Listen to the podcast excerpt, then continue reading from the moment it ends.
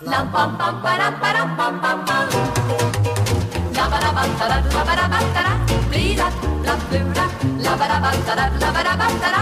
Blee da la blue da la la ba da ba da da la ba da ba da da. Blee da la blue da. Ba da ba ba da ba. La ba da ram pam pam. U luistert naar.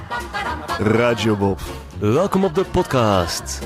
met Gilles en Bob.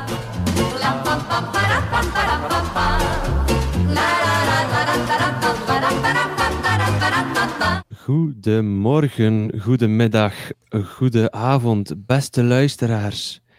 Wellicht de kans bestaat dat u luistert vanuit quarantaine. En dan vraagt u zich af, tja, hoe kan het dat deze podcast dan tot stand is gekomen? Want ook die jongens zijn verplicht zich in quarantaine te begeven. Wel nu, Radio Bob vanuit quarantaine. Het is technisch een wonder, maar onze goede Bob heeft het mogelijk gemaakt. Dank u alvast om te luisteren. Vandaag zullen we het hebben over zaken die u doet tijdens de corona-lockdown. Vervelende zaken. Vervelen. Verveling. Goedemorgen, Bob. Goedemorgen Gilles. Blij dat je hier weer bent. Nu van op afstand. En, eh, Ja. We zien elkaar door het, het, eh, het, het technische... Nee, ja, door een webcam eigenlijk. Hè. Zo wordt het mogelijk ja, gemaakt. ja, ja. We zien elkaar en we horen elkaar. En zo, beste luisteraars, horen jullie ons ook. En, eh, ja, Bob, zo- ben jij gezond en wel? Het zal wel zijn, het zal wel zijn. Je ziet het, hè, Gilles, je ziet het. Bob ziet er stralend uit.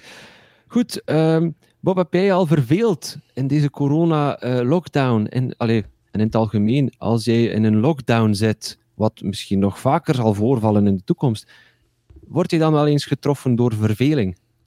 Ah, ik, ik weet redelijk mijn plan te trekken eigenlijk. Ik ben niet zo snel verveeld. Maar dat komt nu ook. Ik ben bezig met eh, het uitbouwen van een loft, hè, Gilles. Eh, ik, eh, ik heb hier nog veel te doen.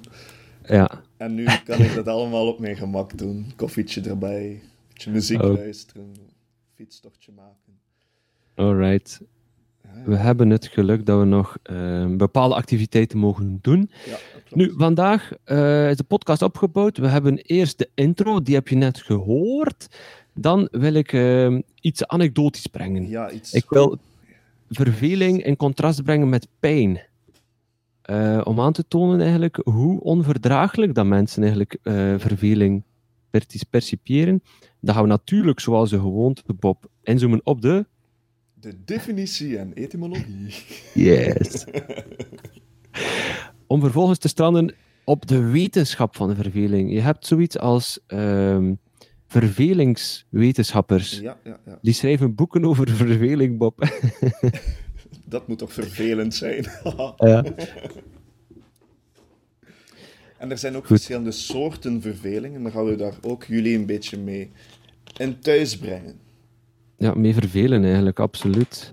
Ehm, Goed, nee, maar we vonden het een relevante podcast, een relevant thema, omdat het toch iets is dat, ongeacht waar je vandaan komt, en zeker op dit moment, is eigenlijk Ja. iedereen getroffen door hetzelfde fenomeen, verveling. Ehm, nu, af en toe de saaiheid opzoeken is eigenlijk wel goed voor je, vind ik persoonlijk. Er is alleen één probleem. Mensen houden niet van verveling. Ehm, en er is een onderzoek waarbij dat ze aangetoond hebben dat sommigen zichzelf nog liever een pijnlijke schok eh, toedienen dan verveeld te zijn. Letterlijk, hè. Psycholoog Timothy Wilson van de Universiteit van Virginia, dat is denk ik in Amerika, beschreef in 2014 in Science, dat is een eh, wetenschappelijk tijdschrift, hoe hij 42 proefpersonen een kwartier lang alleen liet in een lege kamer. Ehm, een beetje gelijkaardig wat dat Bob straks een fragment zal laten tonen. Hè? Ja, ja, ja. Een witte kamer zonder prikkels, zonder niks afleiding. Hè. Het enige wat de proefpersonen hadden om zich mee te vermaken, tussen haakjes, was een knop waarmee ze zichzelf een ongevaarlijke, maar toch pijnlijke schok konden toedienen.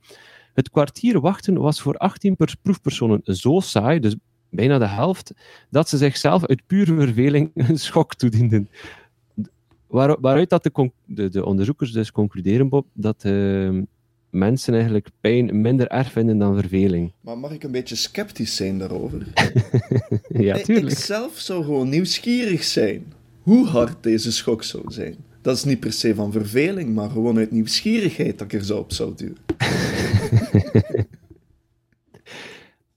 Triggert verveling dan nieuwsgierigheid misschien? Ik weet het niet. Ja, ik, ik zou, ik zou, ja, ik zou dat nog eens opnieuw doen, die, eh, die, die test. Ja. Hij zou ook op de knop doen, denk je. Sowieso voor een keer te voelen hoe hard dat, dat is. Hij zou er meerdere keren op duwen, sowieso. Eén keer.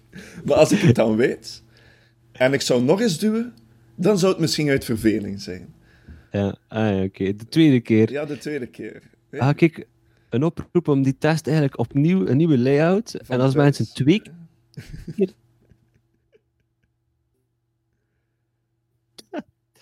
Wacht, Gilles, wat, wat, wat zei je? Want je viel net weg. Een oproep voor de mensen thuis?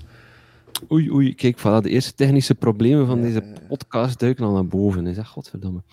Ehm, ja, een oproep om het onderzoek opnieuw te doen, inderdaad. Ehm, Ja. En kijken of dat ze het twee keer, drie keer doen. En misschien met opbouwende schokken.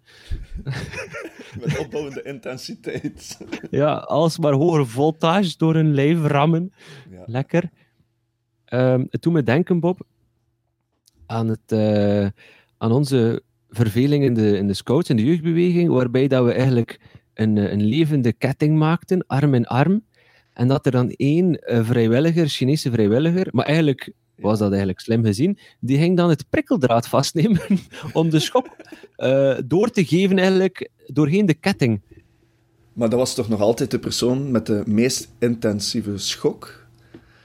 Nee? Nee, de laatste dacht ik. Ik weet het niet meer goed, Gilles. We zullen het nog eens moeten Dat was- doen, denk ik. Nee. Je kunt ook verzacht doen met een grasprietje natuurlijk. ja, hè. ja, ja.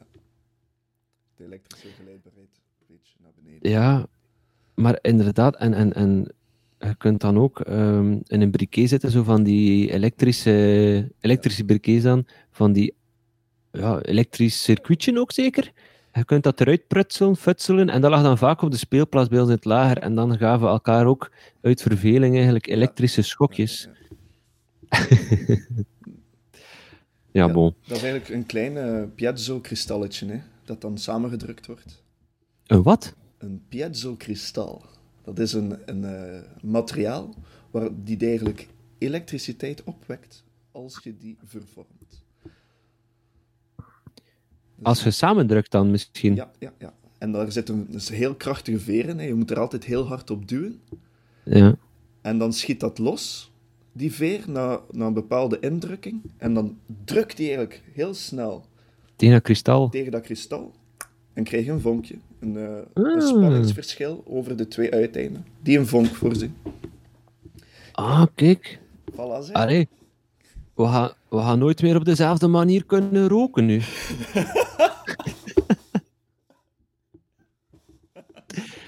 Goed. Ehm, we, we krijgen al een beetje voeling met het, met het idee verveling. Hè? Ehm, en intuïtief weet iedereen wel wat dat verveling is. Maar we vonden het toch interessant om een keer die definitie te gaan opzoeken. En dat is blijkbaar iets waar er toch geen eengezindheid over is, Bob. Ja, de definitie. Ik heb hier eh, van mijn goede vriend de Wikipedia-pagina Mhm. eh, een, eh, toch een, een goed zinnetje gevonden. In tegenstelling tot vrije tijd, die men verwelkomt, voelt verveling als afgedwongen en onaangenaam. Dat Ja. klopt wel. En in het verleden werd het ook wel akedia genoemd van het Grieks. En dat betekent gemakzucht en traagheid. En dit is een van de zeven hoofdzonden van het kerkelijk geloof. Oh, jong. Maar het is daarvan afgeleid. Het is niet meer dezelfde betekenis. Het is een afleiding daarvan. Ja. Dus een, een, een, een, een light versie van een van de zeven hoofdzonden, zegt vervelen. Ja, ja, dat is wel. eh, En een andere psychologische term is taidium vitae. En dat betekent afkeer van het bestaan. Dat is wel heel zwaar, vind ik. Ja, dat is dan als je een beetje in, in apathische buien vervalt, dan dat, is- Ja, ja, dat is ja. een langdurige blootstelling aan, aan verveling misschien. Nu, ehm, ik beaam wat, wat de definitie daar op Wikipedia zegt, Bob. Hoor. Ik heb de, de etymologie, als ik die hier even mag bijhalen. Oh, interessant.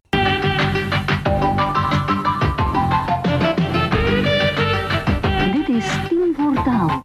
We starten natuurlijk zover mogelijk. Hè. En eh, ik heb terug kunnen gaan tot het Middel-Nederlands.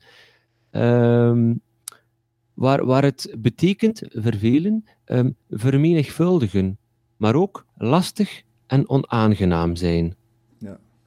Ehm, in het vroeg nieuw Nederlands, dus dat is dan een paar honderd jaar later, wordt vervelen ehm, eerder begrepen als meer worden of doen vermeerderen. Dus nog steeds dat vermenigvuldigen wel. Ja. Genoeg krijgen van, vermoeien, te veel zijn, tot last zijn, hinderen. Door eentonigheid, oninteressant of saai worden. Vervelend dus. En oorspronkelijk was het woord niet ehm, wederkerig. hè, want we zeggen nu zeg vervelen, ik verveel me. Ja. In het begin was het eh, over, eh, overgankelijk. Dus gewoon ik verveel, Ik verveel. Ja. zonder ik verveel me. Ja, nou, nu klinkt dat natuurlijk raar, hè? Ik verveel. Hey, verbeel... Ja, maar dat kan ook eh, met een passief, nee, hoe zeg je dat? Een leidend voorwerp. Jij verveelt mij, Bob. Auw. Tot, tot vervelens toe is trouwens dan een uitdrukking dat we ook hebben eh, Ja, ja, te danken aan verveling. hè. Uit den treuren betekent dat eigenlijk. Weet je dat, dat wil zeggen? Bob? We zijn een. Tot vervelens toe, ja. Over, over, overdadig zeker, hè. Mhm. Ehm, hij, heeft, hij heeft me geslaan tot vervelens toe. Nee, dat is heel goed voor. Eh, trouwens, in Afrikaans hebben ze het ook opgepikt. Ehm, vervelen. Moeg maakt door uninteressantheid. Ah, moe maken door oninteressantheid. Ja. Dat is wel leuk. Ja. ja. Ergerlijk, wacht hè. Ergerlijk wees, omdat daar niets is om te doen, niet. ja. Ja. Ik heb anders ook nog een eh, Michael Schofield die zijn definitie geeft van eh, verveling. ja. Voor En Michael Schofield kennen we... Ja, Ja, zeg maar. dat is eh, het mannetje van Hey, Vsauce hier. Dat is het, het gezichtje dat dan oppopt. En eh, dit zegt, of van Vsauce, een zeer bekende YouTube-serie ehm, die ja, van alle dingen uitlegt en bekijkt en experimenteert. En eh, die heeft een, een, eh, een serie gestart, Mindfield noemt het. De eerste aflevering is daarvan altijd gratis. En toevallig gaat dat over isolatie. Dus over Mhm. boredom, verveling. En ook boredom vs pain. En hierin, het is zeer interessant om eens te zien, gaat hij ook zelf in isolatie en kijken wat hij dan zelf ervaart. Ook het experiment van Gilles van daarnet, hè, boredom vs pain, gaat hij daar kort in eh, naar voren brengen. En nu gaan we daar een keer eh, een klein stukje van laten horen. En Gilles zal erna dan uitleggen wat er gezegd is geweest. Dus Gilles, kom goed luisteren. Alright, laat maar komen.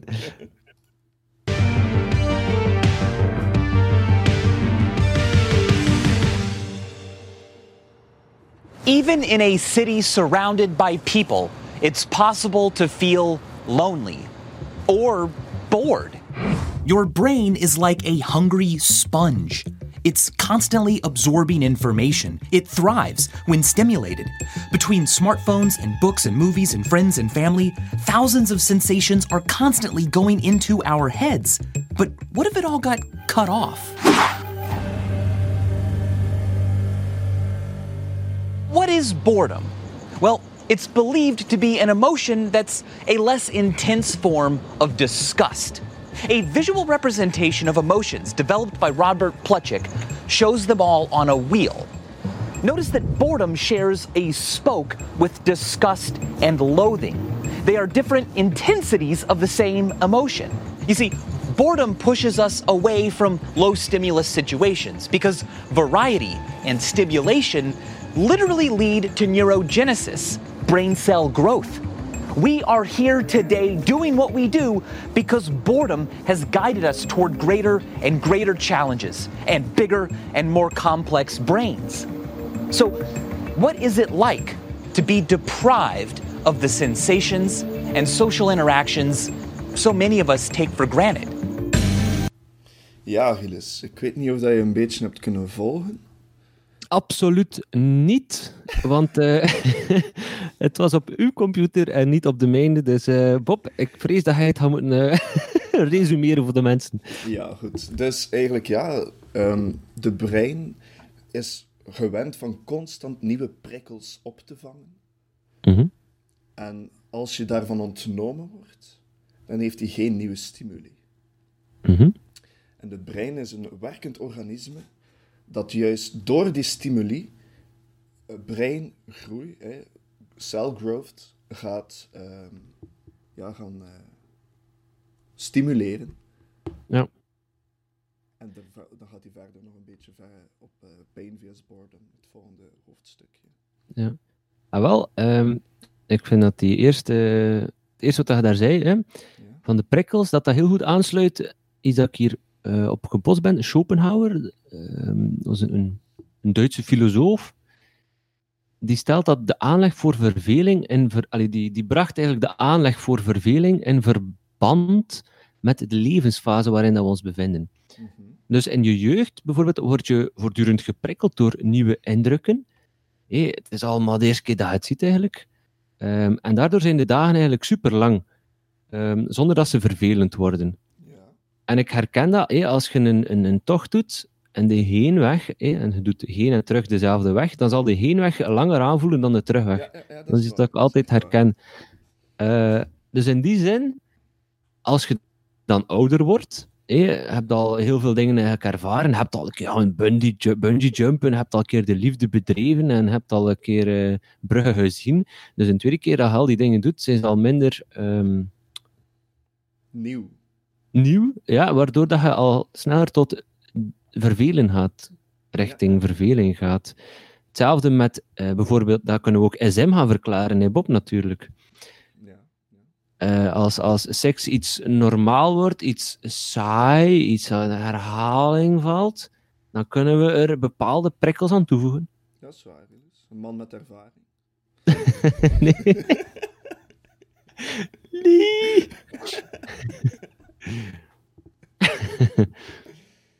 Ja, maar ik, ehm, ik kan me daar volledig in, eh, in staven. Maar ik zelf, ik vergeet gemakkelijk. Hè. Dat, ik, ik vind dat zeer vervelend. Maar Mhm. daardoor blijft wel heel veel interessant. Ik kan soms een film zien die ik een paar jaar geleden heb gezien. En ik was praktisch vergeten dat ik hem had gezien. En ik keek hem opnieuw. En pas op het einde had ik door dat ik hem opnieuw heb gezien. Bob, dat noemt iets anders. Dat, dat noemen ze Alzheimer. Maar dan blijft het wel interessant, snap je? ja. Voor mij zijn dat dan weer nieuwe prikkels. Mhm. Maar er zijn Ehm. eigenlijk verschillende soorten eh, verveling, als ik mij goed eh, heb ingelegd. Eh, er staat bijvoorbeeld... ehm, in 2006 verscheen er een studie over het fenomeen verveling. Ja? Er werd gekeken naar de manier waarop de verveling werd ervaren. Dat Mhm. verschilde van kalm tot ongeduldig en van positief tot negatief. En zo zijn er dan vijf typen vervelingen ontstaan. We gaan eens kijken waar dat wij een beetje in passen eigenlijk. Oké. Dus we hebben onverschillige verveling, gekenmerkt door een ontspannen, maar teruggetrokken houding. Ja, ja, daar kan ik me wel in vinden. ja ik, ik eigenlijk ook, maar pas op, er zijn er nog, er zijn er nog. Onzeker, maar open voor afleiding. Ah ja, dat, dat is eigenlijk wat dat verveling wel is. Bij kinderen misschien vooral. Eh, zo- zoeken naar afleiding. Ja, ja, ja. Dan heb je ook nog rusteloos en op zoek naar verandering. Dus dat is misschien meer voor kinderen. Wat ik zal eerst anders allemaal zeggen. Innerlijk sterk gemotiveerd om de huidige situatie te veranderen. En Ja. een laatste, een apathische verveling. Een gevoel van hulpeloosheid en depressie. Oeh, Ja. Dan zit je al diep. Maar dat is denk ik chronische verveling, zouden kunnen Ja, Ja. de- depressie zou eigenlijk een chronische verveling kunnen eh, worden, eigenlijk. Ja, hè? Dat je niet meer, dat je apathisch wordt eigenlijk voor prikkels, hè, inderdaad. Mhm. Maar de, de eerste vier vind ik wel goed, eh, geven een, een, een, een, een beetje een body hè, aan wat verveling eigenlijk is. Ja, maar ik, ik vind het nog niet zo negatief. Hè. Die eerste bijvoorbeeld. Een onverschillig, gekenmerkt door ontspannen, maar teruggetrokken houden. houding. Gewoon een beetje teruggetrokken zijn. Een beetje Mhm. onverschillig. Ja. Op zich vind ik dat nog niet zo... Want ja, Maar als ik dan lees een rusteloos en op zoek naar verandering, dan herken ik dat bijvoorbeeld wel als we op reis gingen. Vroeger, ehm, en we gingen bijvoorbeeld een wandeling maken, ja. ehm, dan wou mijn, mijn broer iets gaan drinken of een ijsje eten of iets. Dan gingen we zitten op een terrasje en we zitten daar twee, drie, vier, vijf minuten, eh, drankje opgedronken en dan wil hij weer gaan wandelen. Dus hij wil eigenlijk voortdurend die verandering dan weer opzoeken Ja, eigenlijk. Iets, iets dat ik wel herken in die definitie hier, of in die typologie. Oh, ik herinner mij opeens ook iets van vroeger. Ehm, ik weet nog, als we klein waren en ik Mhm. ging gaan spelen bij mijn oma en opa, waren mijn nichtjes soms eh, ook bij ons. En ze zeiden dan, ik verveel mij. En ik, zei dat, ik had dat vroeger thuis ook al eens gezegd, maar ik mocht het niet meer zeggen van mijn moeder. Want ze zei dan, zorg dan dat je iets te doen hebt. Ah, voilà. En ik zei dat dan nooit meer. En ik vond dat dan zelf vervelend als iemand anders dat zei. Want ik had dan zoiets van: doe dan iets. Maak dan dat het leuk wordt. Ja, inderdaad. Ja. Eh, Maar- ja. Zeker als je ehm, met meerdere bent en iemand zegt, ik verveel mij, is dat eigenlijk een rechtstreekse assault, een rechtstreekse wel. belediging. Dat betekent, jij bent gewoon eh één geworden met het meubilair. Ik zie jou niet meer. Je interesseert me geen hol. Of zo. Je zegt dan eigenlijk niet van ik verveel mij, maar eerder van jij verveelt mij. Dat is een, een, een pedagogisch eh, boodschap hier. eh. Doe zoals eh, moeder Bieke. Behoed uw kind voor het vervelende verveling ehm, opmerking ding. Ja. Houd u bezig. Ehm, Bob, als we in verveling zijn, ehm, denk je dan dat ons brein leeg wordt of net eh, niet? Of wat gebeurt er met onze hersenactiviteit? Ah, dat is juist eh, ook wat die Michael Schofield heeft gezegd. Hè. Wat zei hij daarover? Ehm, als er geen nieuwe prikkels zijn, dan heeft je hersenen ook niets om zich op te gaan reageren. Ik denk eerder dat het dan gaat afsterven. Of ja, er gaat alleszins geen nieuwe growth komen, hè. geen nieuwe. Groei. Want ik, ik, ehm, ik ben op iets gebotst en ze noemen dat het Default Brain Network. Mhm. Dus als mensen dan in een MRI-scanner leggen, ondanks het feit dat ze zich vervelen, eh, is er toch een basisniveau van eh, hersenactiviteit. Ja, logisch natuurlijk. Ehm, maar het, het brein schakelt op, op dat moment over op dagdromen en introspectie. Eh, en daarvoor is geen inspanning nodig, waardoor je concentratievermogen zich kan herstellen. Dus je hebt dan wel een soort van concentratievermogen nog altijd aanwezig. Ja. En ik denk dat dan net die introspectie en die, die, ja, die introspectie, dat dat voor sommige mensen misschien gewoon te confronterend is. Ja, kan, kan. Maar is dat dan ook een soort van eh, rustpauze voor je brein dan? Die een verveling. En wel, eh, in 2014 lieten Amerikaanse onderzoekers een groep proefpersonen net zo lang telefoonnummers uit een eh, telefoonboek uit eh, overschrijven. de, de gele... Hoe noemt die bij ons weer al? De gele vandalen? Nee, de, de gouden gids. de gouden gids, uit de gouden gids overschrijven, totdat ze zich doodverveelden. Vervolgens voerden ze tests uit om creativiteit te meten, zoals het bedenken van manieren hoe je twee plastic cups zou kunnen gebruiken. Twee plastic bekertjes zou kunnen gebruiken. De verveelde proefpersonen bedachten veel meer creatieve manieren om de cups te gebruiken dan een niet verveelde controlegroep. Blijkbaar gaat een verveeld brein zo hard op zoek naar prikkels dat er vanzelf creatieve gedachten opkomen. Dat was de conclusie eh, van hoofdonderzoekster eh, Sandy Mann. En eh, wat was het... hoeveel personen hebben daaraan deelgenomen? Duizenden. Duizenden. Of,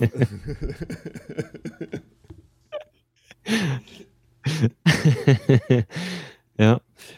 Nee, maar oké, het geeft toch een indicatie dat we eigenlijk vervelend toch niet eh, al te negatief mogen benaderen, like dat hij daarnet ook al eh, aangaf, hè, Bob? ja, ja. Dus een soort van rustpauze en een, eh, ja, een de creatieve ontwikkeling van je brein. Die erna, die erop volgt dan. Niet Inderdaad. tijdens, maar daarna. Ja, en ik denk, hé, als we dan opnieuw naar die opvoeding gaan, als hij je kind eigenlijk voortdurend aandacht geeft, eh, vanaf dat hij ernaar vraagt, on, onvoorwaardelijk, dat dat eigenlijk een, dit ne slecht neveneffect kan hebben, eigenlijk, dat hij niet leert omgaan met die eh, momenten van stilte en introspectie. Ja, ja, ja. Dat hij eigenlijk voortdurend nieuwe prikkels nodig heeft. ja, dat is waar. Je moet er een beetje de, de gulden middenweg in vinden. hè. Ja. Voilà. Het nut van verveling, dat is eh, nog iets wat ik wil meegeven. Onderzoeker van Tilburg, we zitten nog altijd in de wetenschap van de verveling, eh, dames en heren. Die stelt dat de menselijke emoties een evolutionaire functie hebben. Angst, vreugde, bedroefdheid, dat helpt mensen overleven. Hè. Angst om van de leeuw weg te lopen. Maar ook verveling is evolutionair blijven hangen, stelt hij. Waarom? Ehm, er schuilt dus nut achter jezelf vervelen. En hij vermoedt dat dat eh, helpt in het tegengaan van zinloosheid. Verveling treedt op wanneer je activiteit niet voldoet aan een natuurlijke behoefte aan prikkels. Hè. Opnieuw dat. Dat is een signaal, denkt Van Tilburg, om jezelf uit een zinloze routine te halen. Dus kan verveling je motiveren om een zinvollere activiteit te ontplooien. Zoals verveling onze vroege, vroegere voorouders aanspoorde om op saaie momenten op zoek te gaan naar voedsel, zo kan het tegenwoordig een teken zijn dat we ons leven misschien niet hebben ingericht zoals we dat het liefst zouden willen. Oh.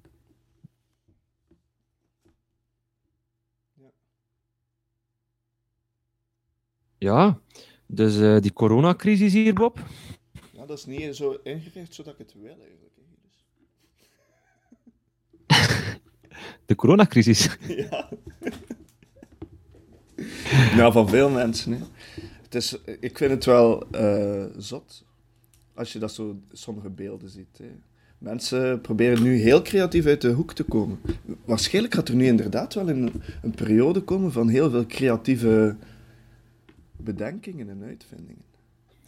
Ja, eh, er zijn super creatieve oplossingen eigenlijk Ja. ook hè, voor, voor eh, de belemmeringen waarmee dat opgezadeld wordt. Ja, dat is waar. Ik denk maar aan. Vorige week hebben we meegedaan aan de, ehm, de quiz van Studio Brussel, de muziekquiz. Via Facebook bijvoorbeeld. Ja, eh, Dat was wel iets geestig. of eh balkonyoga en dergelijke heb ik ook al eh, tegengekomen. Balkon yoga. Ja. Dan gaat er één iemand eigenlijk van voor ergens gaan staan eh, met een, een luide box en geeft dan een yoga-initiatie. En mensen komen dan op een onder balkon eh, gaan deelnemen aan dit evenement. Eh, Zo. Dat is een keer in het nieuws gekomen, ja. Ik heb hier ook een, een, leuke opgevangen. ehm, in Finland, in Salo. Of Salo, ik weet niet hoe dat het uit. Salo. Een museum waarbij dat ze eigenlijk eh, ja, ook natuurlijk in lockdown moeten. Mhm. waar dat de, de, de werknemers daar eigenlijk een creatieve oplossing hebben gevonden. En ze hebben eigenlijk alle werken, of toch een heleboel werken, eigenlijk opgestald aan de, de vitrine, aan de ruit. Ah. Waardoor dat mensen eigenlijk dag en nacht kunnen gaan kijken, want s'nachts verlichten ze het ook mooi, naar de werken eigenlijk, Ja, door het raam, van op afstand. Dat is wel leuk, ja, ja, ja. Moeten ze wel opletten voor zon En dan- en zo. Ah ja, dat beschadigd raakt, ja. Misschien meer geschikt met beelden of zo. En dan nog een andere, vond ik ook goed, in een rusthuis, waarbij dat ze alle oudjes een tafeltje voor de deuropening zetten bij elke kamer. En dat ze dan erachter zitten en zo bingo spelen in de gang. ja.